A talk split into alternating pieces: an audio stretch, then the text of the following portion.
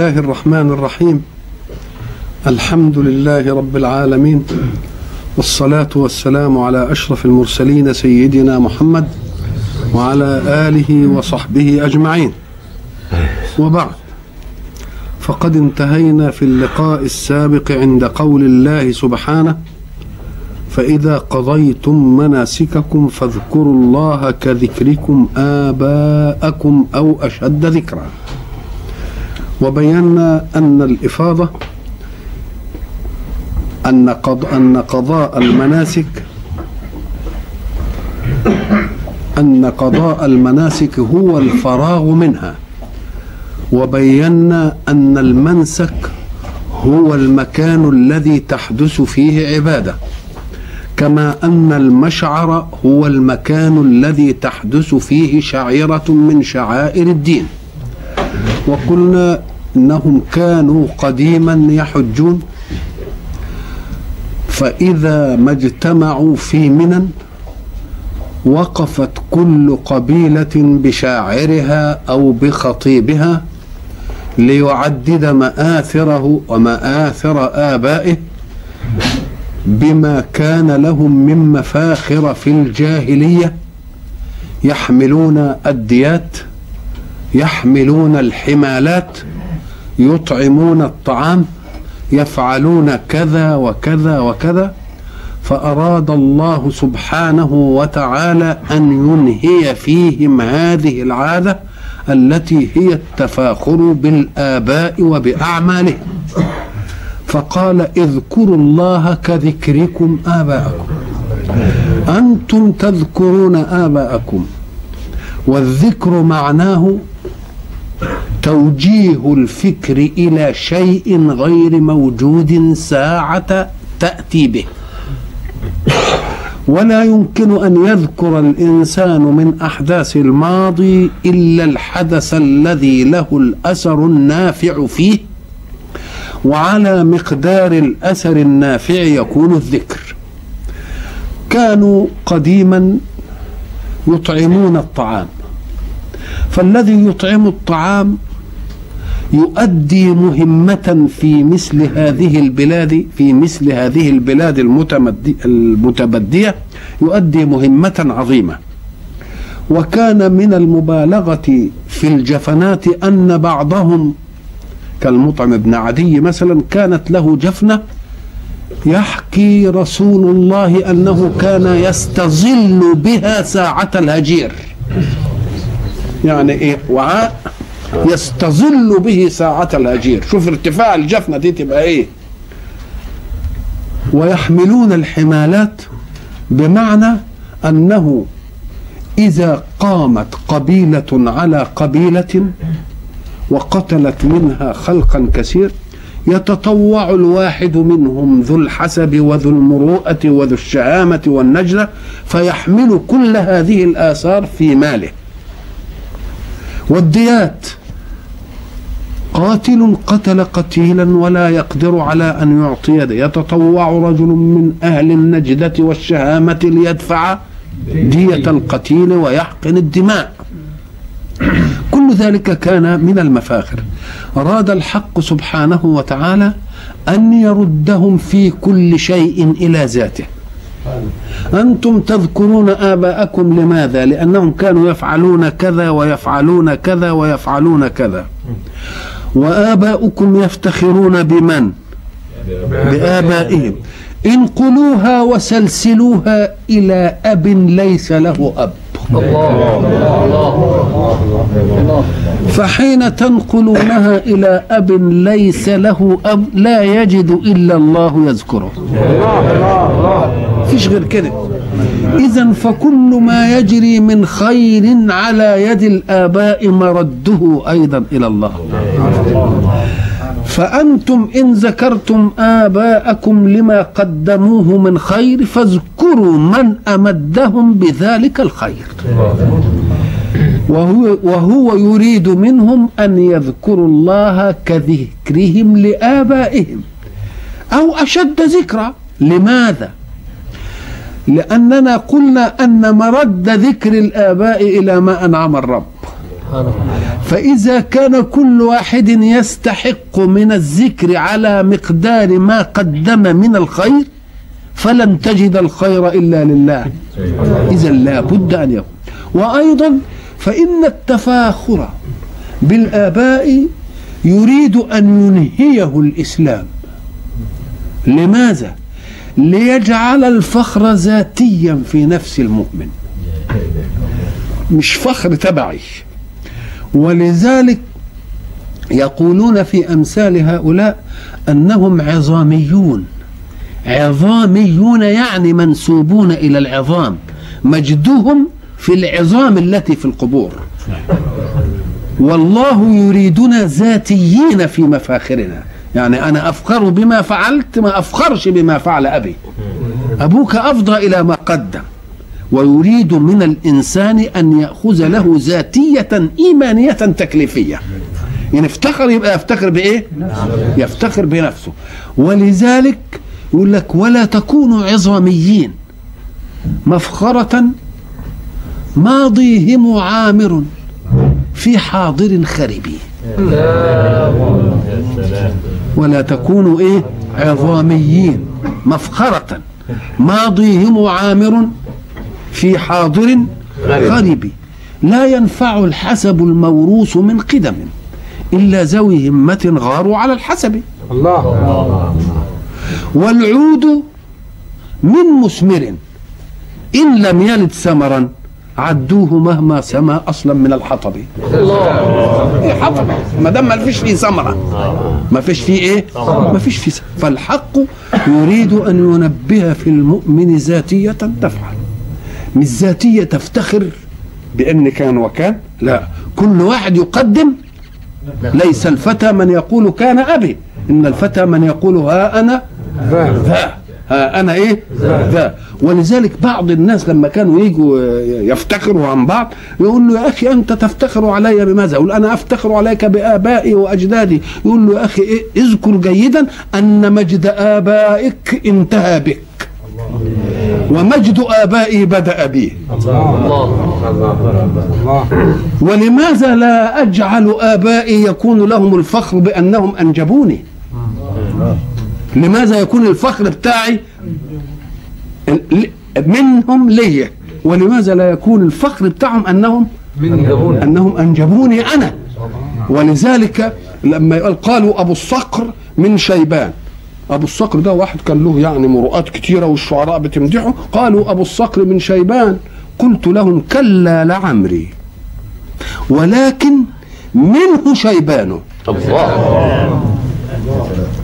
قالوا أبو الصقر من شيبان. قلت لهم كلا لعمري. ولكن منه شيبان. وكم أب قد علا بابن ذرى شرف. كما علت برسول الله عدنان. عدنان هي اللي اعتلت فانتوا تجيبوا لي ذكر آبائكم ومش عارف اباء لا أنا عايز إنتوا. أنا عايز إيه؟ إنتوا. وما دام إنتوا بقى تقوموا تلتحموا بمن يعطيكم المدد لتكونوا شيئا في الوجود. ومش شيء محدود في إنه يطعم طعام ويحمل حمالات ويؤدي ديات. لا دي رسالة الإنسانية العالمية. رسالة الإنسانية العالمية في العالم كله مش في بقعة قد إيه؟ مش في بقعة قد كده. اذكروا الله كذكركم آباءكم أو أي؟ أو أشد ذكرى. لأن ذكركم لله. سيعطيكم منه المدد ويعطيكم منه منه المعونة لتكونوا أهلا لقيادة حركة الحياة في الأرض. فتوطدوا فيها الأمن توطدوا فيها السلام توطدوا فيها الرحمة توطدوا فيها العدل. أدي اللي يبقى الكلام الإيه؟ اللي يحصل به الإيه؟ الفخر. كذكركم آباءكم أو أشد إيه؟ ذكرا وبعد ذلك يلفتنا الحق فيما يأتي إلى أن الإنسان إذا ما قضى المناسك كان أهلا لأن يضرع إلى الله. ويسأل الله بما يحب أن يسأله. الله. والسؤال لله يختلف باختلاف همة السائلين. كانوا لا يسألون الله إلا يا رب أعطني إبلا يا رب أعطني غنما يا رب أعطني بقرا يا رب أعطني حائطا وبستانا يا رب أعطني كما أعطيت أبي. ما فيش في بالهم إلا الأمور الإيه؟ المادية. بيقول إيه؟ ارتقوا بمسألتكم لله. لا إله إلا الله. صعدوا سؤالكم لله إلى شيء أخلد وشيء أبقى وشيء إيه؟ أنفع. أنفع. والمزية الإيمانية تأتي في هذه. إذا كنتم ستسألون الله هذه المسألة يبقى ما الذي جعل هناك فارق بينكم وبين أهل الجاهلية؟ إذا فقول الله فمن الناس من يقول ربنا آتنا في الدنيا حسنة يعني حين يؤدي مناسكه لله يجد نفسه أهلا لأن يسأل الله. وما دمت قد وجدت نفسك أهلا لأن تسأل الله فاسأل الله بإيه؟ صعد المسألة بقى. لأن الإنسان يصعد حاجته من المسؤول على مقدار همة المسؤول. تروح لواحد تسأله تقول لي اديني مثلا عشرة ساعة مثلا. اديني وواحد تاني تقول له اديني جنيه. واحد تاني آه اذا على قدر همة مين؟ فإذا ما دام المسألة فيه موقف سؤال لله صعدوا مسألتكم لله. ولا تنحطوا إلى المسألة الدنيوية الفانية البحتة. فمن الناس من يقول ربنا آتنا في الدنيا حسنة لأن وما له في الآخرة من خلاق. آه آتنا في الدنيا آه آتنا في ربنا آتنا في الإيه؟ في الدنيا وما له في الآخرة من خلاق. أنا عايز بس الدنيا يبقى ملوش حظ في الإيه؟ حظ في الآخرة. دي يبقى ساقط الهمة ولا لا؟ لأنه طلب شيئا في الفانية. طلب شيئا في الفانية ويريد الله أن يصعد همتنا الإيمانية ومنهم من يقول إيه؟ ربنا آتنا في الدنيا حسنة وفي الآخرة حسنة. ليه ما نسيناش الدنيا؟ لأنها هي المزرعة للآخرة. آتنا في الدنيا إيه؟ حسنة وفي الآخرة حسنة. الدنيا حسنة. العلماء حينما قالوا طب ما هي حسنة الدنيا؟ بعضهم ضيقها وقال المرأة الصالحة. طيب. طب هي صحيح ما وفي الآخرة حسنة؟ اللي هي الجنة. ومنهم من قال إن آتنا في الدنيا حسنة. هو العلم. لأن عليه ينبني العمل. وفي الآخرة الحسنة. المغفرة. كلهم متفقين على أن اللي في الآخرة دي ما يؤدي إلى الجنة مغفرة. آه ورحمة. كلهم متفقين إنما الخلاف في مين؟ في المسألة. طب ولماذا نضيق واسع؟ نقول آتنا في الدنيا حسنة أي كل ما يحسن عندك يا رب لعبدك. كل ما يحسن عندك يا ربي لعبدك. آتنا في الدنيا إيه؟ حسنة. آه. وفي الآخرة حسنة. وقنا عذاب النار. وقنا عذاب النار. إحنا قلنا زمان الحق سبحانه وتعالى حين يمتن على عباده يمتن عليهم بمنة إنه يزحزحهم عن النار ويدخلهم الجنة. كأن مجرد الزحزحة عن النار نعيم.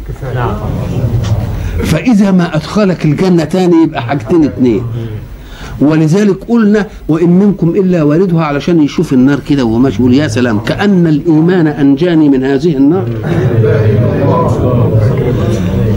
تقوم لما ترى النار وتشوف كده الهيبه بتاعتها المخيفة دي تقول الإسلام حماني من هذه النار ده نعمة كبيرة قوي فتحمد الله على أنك إيه؟ بس. فإذا ما دخلت الجنة يبقى حمد إيه؟ حمد تاني. يعني كنت تتمنى يبقى في أهل الأعراف يعني لا هنا ولا هنا. مش كده؟ ولذلك يقول الحق فمن زحزح عن الإيه؟ النار وأدخل الجنة فقد فاز. نعم. وقنا عذاب الايه؟ وقنا عذاب النار. أولئك لهم نصيب مما كسبوا. أولئك لهم نصيب مما كسبوا. نصيب يعني إيه؟ برضو نصيب يعني حظ. نصيب يعني حظ. ومما كسبوا يعني إيه؟ الأمر يقول إحنا قلنا زمان إن فيه كسب وفيه اكتساب. فيه كسب الاكتساب فيه افتعال. إنما الكسب أمر عادي. ولذلك تيجي في الاكتساب يبقى في الشر. كأن اللي بيعمل شر يتكلف. نعم. إنما اللي بيعمل خير يبقى طبيعيه يبقى إيه؟ يبقى طبيعيه مما كسبوا أي من من من استيفاء أعمالهم التي عملوها في الحج إحراما وتلبية وطوافا. وسعيا وذهابا إلى ما ما منى وذهابا إلى عرفات وإفاضة إلى إيه؟ مزدلفة. ورميا للجمار في منى وطواف إفاضة. كل هذه لهم نصيب مما إيه؟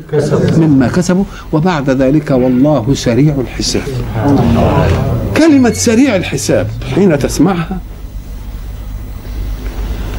السرعة هي أن يقل الزمن عن الحدث. الزمن يبقى إيه؟ اسرع فيه اسرع فيه يعني إيه؟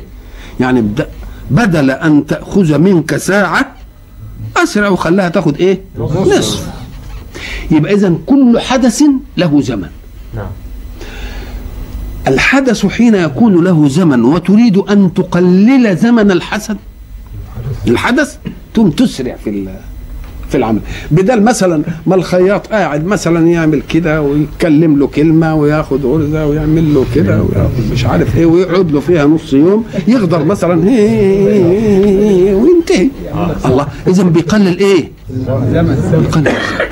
تقليل الزمن يقتضي سرعة الحركة في الفعل. مش كده ولا إيه؟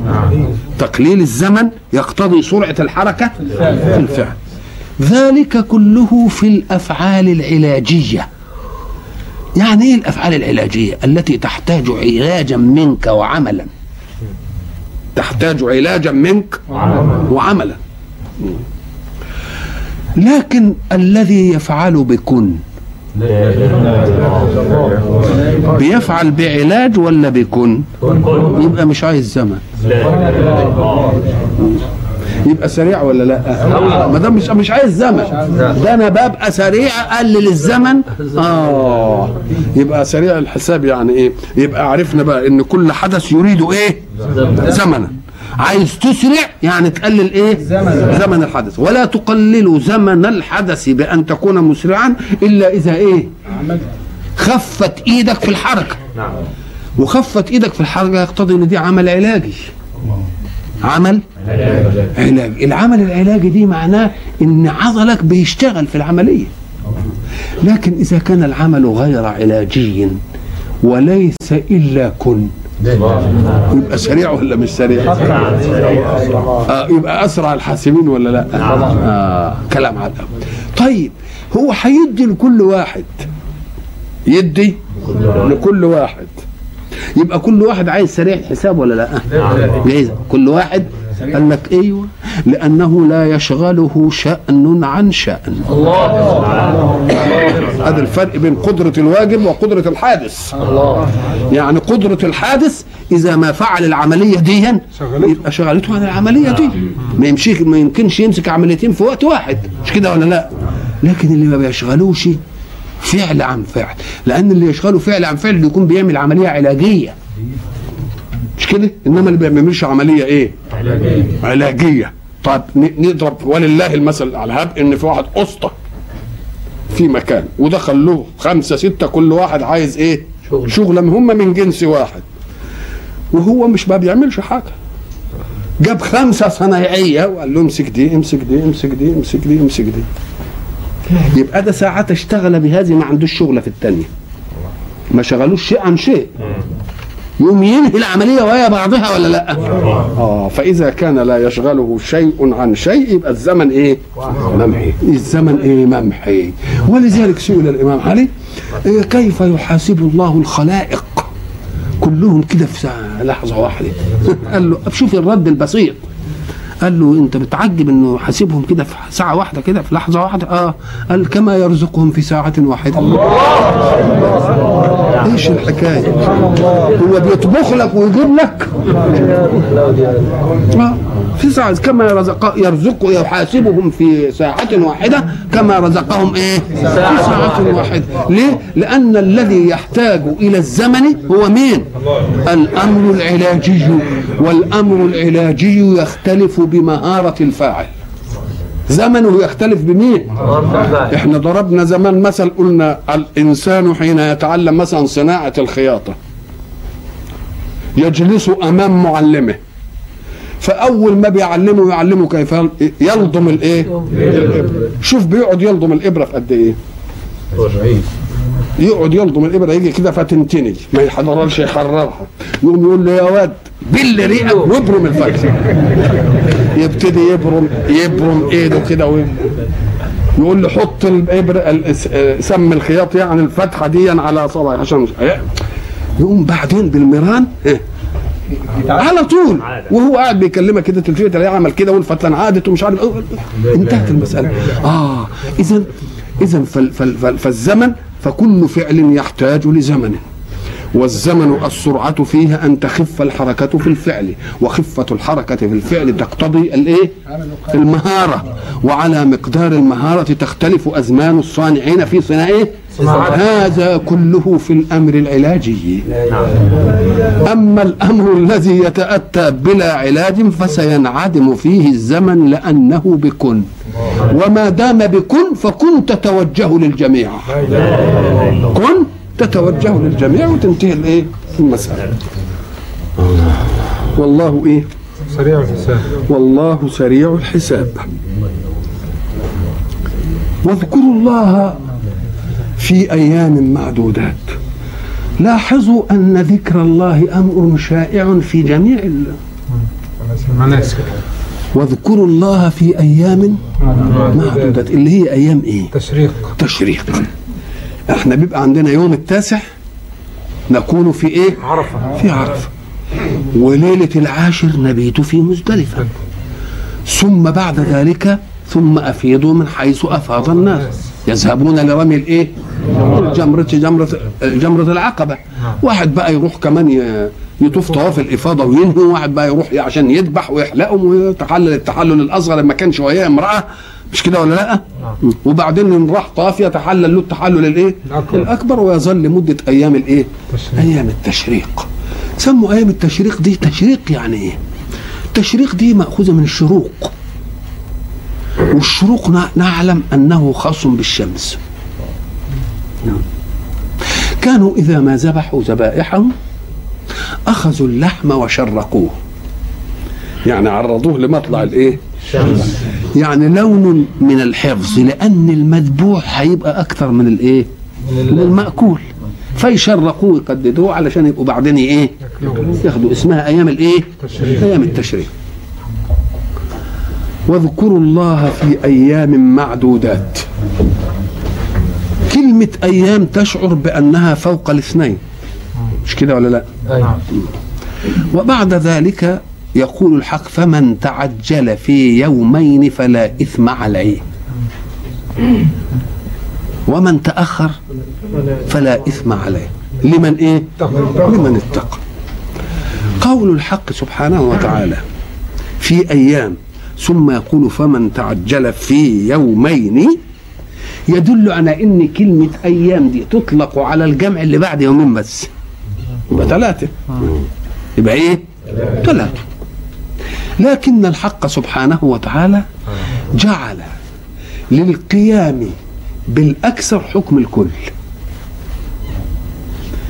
يعني هم ثلاثة أيام فإن أنت تعجلت في يومين يبقى ما فيش ما فيش اسم. فمن تعجل في يومين فلا إثم عليه. ومن تأخر فلا إثم عليه. بالله كان المعقول انه يقول فمن تعجل فلا إثم عليه. إنما ف... ومن تأخر. ما كان يقول فلا إثم عليه. قال لك أصل المسألة مش مش مدد. المسألة استحضار. وقد تجلس الثلاث أيام وانت ما انتش مستحضر. ولذلك اشترط قال لمن اتقى. فإياكم أن تقارنوا الأشياء بأفعالها أو بمددها إنما هي بإيه؟ بإخلاص النية والتقوى فيها. ومن تأخر فلا إثم عليه لمن اتقى واتقوا الله واعلموا أنكم إليه تحشرون. الحق سبحانه وتعالى يجيب كلمة تحشرون هنا. مناسبة أو لزحمة الحج لأن كما حشركم هذا الحشر وأنتم لكم اختيار قادر أن يحشركم وليس لكم اختيار. هنا اختيار. يعني تروح أو ما تروحش. ومع ذلك مع كونك فيك اختيار جيته في الحشر ده ال- كبير الكبير ده. يبقى اعرفوا أن الذي كلفكم أن تجيئوا وأنتم مختارون ومع ذلك جئتم واجتمعتم. هذا الاجتماع حتى إن أنا قلت أفيضوا يعني انكم إيه؟ انكم كتير. مش كده؟ وقدرت أحشركم الحشر مع اختياركم. يبقى لازم تخدم أنني قادر على أن اتي بكم وقد سلبتكم الاختيار. يبقى اذا كلمة تحشرون هنا لها معنى ولا لا؟ لا مناسبة قوي ومن الناس من يعجبك قوله في الحياة الدنيا ويشهد الله على ما في قلبه وهو ألد الخصام. وإذا تولى سعى في الأرض ليفسد فيها ويهلك الحرث والنسل. والله لا يحب الفساد. سبحان الله. يريد الحق سبحانه وتعالى أن يضع قضية وجودية. هذه القضية الوجودية أن كل عمل له ظاهر وله باطن. ومن الجائز أن تتقن الظاهر. يا ساتر يا ساتر. وتدلس على الناس. أهو كل الناس لهم مع بعض. ظاهر وباطن. يجب أن يجعل الناس يسيئون الظن في بعضهم. لازم كده. ما دام أنت ليك ظاهر وباطن ابقى أنا مغفل. مش كده؟ والتاني مغفل وده مغفل. لأن أنا ما دام يبقى ليا باطن وأنت لا تعرفه أبقى قدامك كده ضاحك وأنا أبقى قدامك معظم وأنا محقر. ابقى قدامك مادح وأنا إيه؟ زام. وايه وقادح. مش كده ولا لأ. إذا فيجب على الإنسان حين يستر شيئا هو في نفسه ويعلن شيئا أن يجيز ذلك لسواه. وما دام أجزت لسواك يبقى حكمت على نفسك بقصور الفهم للكون. تبقى أنت قاصر في فهم الكون ولا لأ؟ آه. يبقى من مصلحتك بقى أن ترتبط أنت والناس جميعا إلى عالم بما عندي وبما عندك. الله. لازم كده. أمال بس أمال المسألة تنتهي إزاي؟ أمال إزاي تمشي دي؟ إذا كنت أنت عندك شيء أنا لا ادري لا لا أدري به. وأنا عندي شيء أنت لا تدري به. مصالحنا تمشي إزاي؟ آه.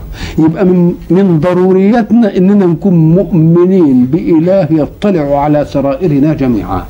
هو ده اللي يخلينا نلزم الأدب بقى.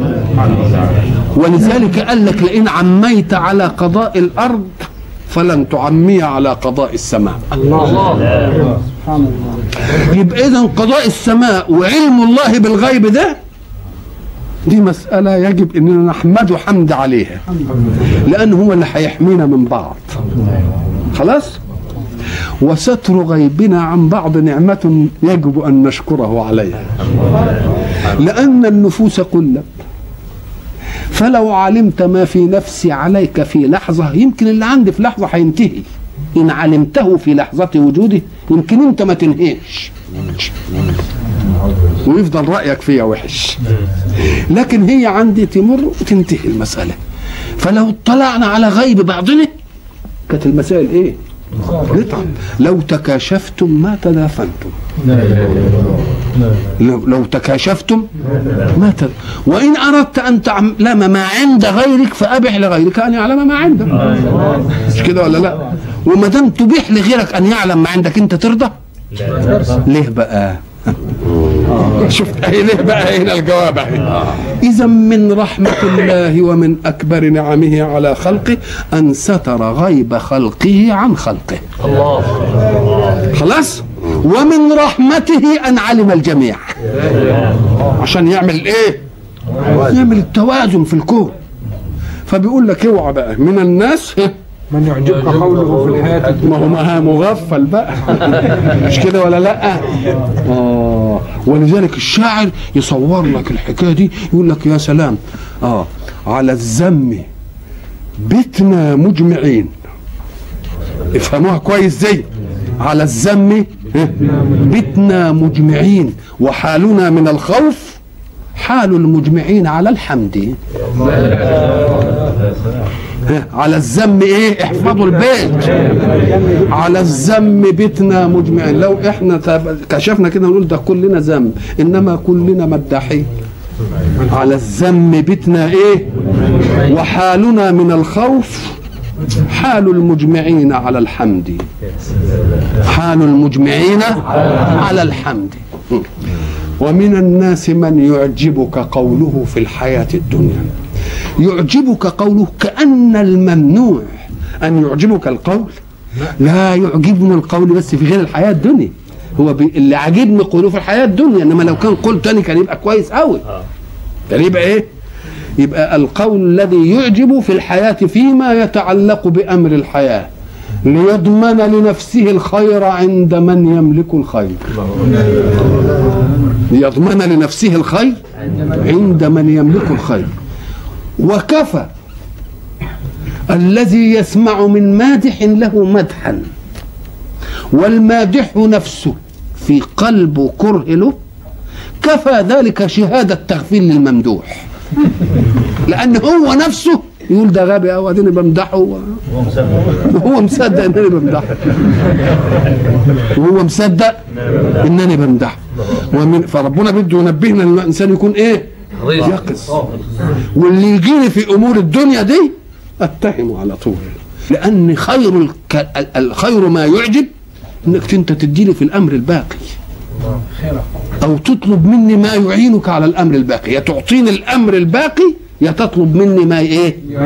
ما يعينني على الأمر الباقي. ولذلك لما الخليفة أرسل لسيدنا جعفر الصادق يقول له لماذا لا تغشانا تغشانا يعني تيجي عندنا. كما يغشانا الناس. الناس كلهم بإيه؟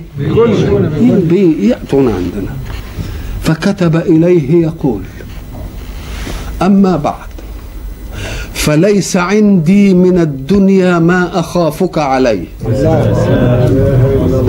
وليس عندك من الآخرة ما أرجوك له.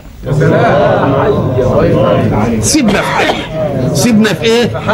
سيبنا في حل أنت عايز واحد بقى يقعد علشان يقعد بقى يعجبها ومش عارف إيه. وهو أول ناس رأيهم سيء فيك هم اللي بيمدحوك دول. لأنهم عارفين. نعم. ومن الناس دي نزلت في الأخنس بن شريق. ساعة ما يقابل النبي يا سلام يقعد في الصف الأول. وبعدين حينما جاءت غزوة أحد انخزل بثلث القوم. 300 واحد. وهم رايحين المعركة انخزل الأخنس بهم ورجع ولم يحارب. في يوم أحد ومن الناس من ولما ت... لسه اسمع كلامه للنبي يا سلام. ومن الناس من إيه؟ يعجبك قوله في الحياة الدنيا ويشهد الله على ما في يشهد الله. إحنا قلنا إحنا قلنا ساعة ما تيجي الواحد يقول له لا أنا عايز شهادة من الناس وما تقوليش يشهد الله. لأنك أنت الذي تخبر أن الله شهد. وهل شهد الله ولا أنت بتقول لي أنت من عندك؟ بتقول يشهد الله إن دي كذا. انت بتخبر إن ربنا شاهد هو شهد؟ لا ده أنت اللي بتقول أنت كذاب في هذه. أنت إيه؟ كذاب في هذه. مفهوم؟ وادعوا شهداءكم من دون الله. إن كنتم صادقين. ما تقولوليش الله يشهد. لأن كلمة الله يشهد دي معناها إخبار منك بأن الله يشهد لك. وأنت كاذب في هذه. وعايز تدخلها فيها لساعة ما يسمع كلمة الله يشهد دي خلاص انت نقول له لا يا أخوي. ويشهد الله يقول يشهد الله إنني بحبك. يشهد الله إن دي كذا يشهد الله ان ساعة ما تسمع واحد كده يقول له كده يقول له لا هذا إخبار منك بأن الله يشهد. وأنت قد تكذب في هذا الخبر. أنا عندي يشهد اثنين وبلاش دي. ويشهد الله على إيه؟ على ما في قلبه. وهو ألد الخصام. معنى ألد الخصام يعني إيه؟ الفاسق في معصيته. يقال فلان عنده لدد. عنده إيه؟ لدد. يعني فسق في إيه؟ في خصومته. جدل بالباطل. جدل. ولذلك الرسول صلى الله عليه وسلم يقول إن شر الناس عند الله الالد الخصم. الألد يعني إيه؟ الجدل بالباطل اللي عنده إيه؟ حجة. اللي عنده قسوة في المعصية قسوة في المعصية. يبقى عصو فيه إيه؟ وفيه قسوة. نعم. ليه بقى؟ وهو يبقى لد الخصام. قال لك لأن الذي يجابهك بالأمر يجعلك تحتاط له أما الذي يدليك بغرور وبنفاق هو ده اللي عايز يخدعك. يبقى ده عنف في الخصومة يبقى الخصم الواضح أحسن ليه؟ لأنه ما دام خصم واضح ستواجهه آه لكن إذا دخل علي بهذا يبقى إيه؟ يبقى قاسم في خصومته لأنه يريد أن إيه؟ أن يخدعني وأن يبيت لي وهو ألد الإيه؟ الخصام وإذا تولى تولى يعني يقول لك ما يعجبك فإذا تولى عنك. نقل المسألة إلى الحقيقة. أو وإذا تولى أمر شيء. من الولاية يعني. في تولى من التولي. وفي تولى من الولاية. وإذا تولى سعى في الأرض ليفسد فيها. ويهلك الحرث والنسل. سعى في الأرض ليفسد فيها. فكأن الأرض بدون تدخل البشر مخلوقة على هيئة الصلاح. والفساد أمر طارئ من البشر. يعني لو تركنا كل شيء على ما هو عليه كده يبقى ماشي على ولذلك قلنا زمان أن الفساد لم يطرأ إلا على أمر للإنسان فيه دخل. لماذا اشتكينا أزمة قوت ولم نشتكي أزمة هواء؟ لأن ما فيش دخل للإنسان ولا إيه؟ وبمقدار دخل الإنسان يكون الفساد. انت دخلنا شوية في المية برضه يجي منها فساد. مش كده ولا لا؟ ما صلحناش المواسير كويس تيجي لنا المية. عكرة تتكسر المش عارف الايه تدخلنا. إنما كان الأول بيروح يجيب من البير ولا؟ ما فيش فيها حاجة ابدا. مش كده ولا لا؟ اذا على مقدار وجود الإنسان في حركة الحياة ينشأ إيه؟ ولذلك كان الإنسان لابد له من منهج. غير الإنسان ملوش منهج. غير الإنسان مخلوق بالغريزة يؤدي مهمته فقط وتنتهي المسألة. مش كده ولا لا؟ يعني المطية مثلا لم تأتي يوما لتمتنع عن ركوبك عليها. امتنعت؟ طيب عندك ركوبة وهتعملها ركوبة لك تركبها وتجيب لها بردعة كويسة والجم فضة وتعملها كده تروح بها البندر. وتصبح الصبحية تقول لا بلاش ديا وهنشيلها سباخ. عصيت ما عصيتش خدتها تحلبها جاهز خدتها مثلا تعلقها في الساقية. جاي خدتها كده هو وتجيب هتقول لك لا. ابدا. مش منهج. ليه؟ لأنها محكومة بالغريزة التي تؤدي بها الحركة النافعة بدون اختيار منها. لكن الذي له اختيار يا لازم له منهج بقى. نقول له إيه افعل دي ولا تفعلش دي. فإن استقام مع المنهج تفعل ولا تفعل يبقى زيها والأمور تبقى كويسة. إن لم يستقم تفسد الإيه؟ خد بالك بقى. الل- اللقطة دي جاية منين؟ وإذا تولى سعى في الأرض ليفسد فيها. فكأن الإفساد هو اللي عايز عمل. كان كأن الإصلاح ما تعملش حاجة. سيبها كده. زي ما تبقى على 24 قراط يبقى الفساد طريق من مين؟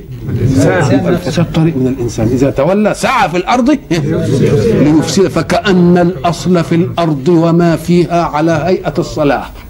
فإن لم تزد الصالح صلاحا فلا تحاول أن تفسده فلا تحاول أن تفسده ولذلك لما إذا قيل لهم لا تفسدوا في الأرض كأن الأرض بدون حركتهم صالح. الأرض بدون حركتهم؟ صالحة يقول له يا شيخ سيبها كما هي. قالوا إنما نحن مصلحون. لهم تفسدوا الأرض قالوا إيه؟ ألا إنهم هم الإيه؟ ولكن ولكن لا يشعرون.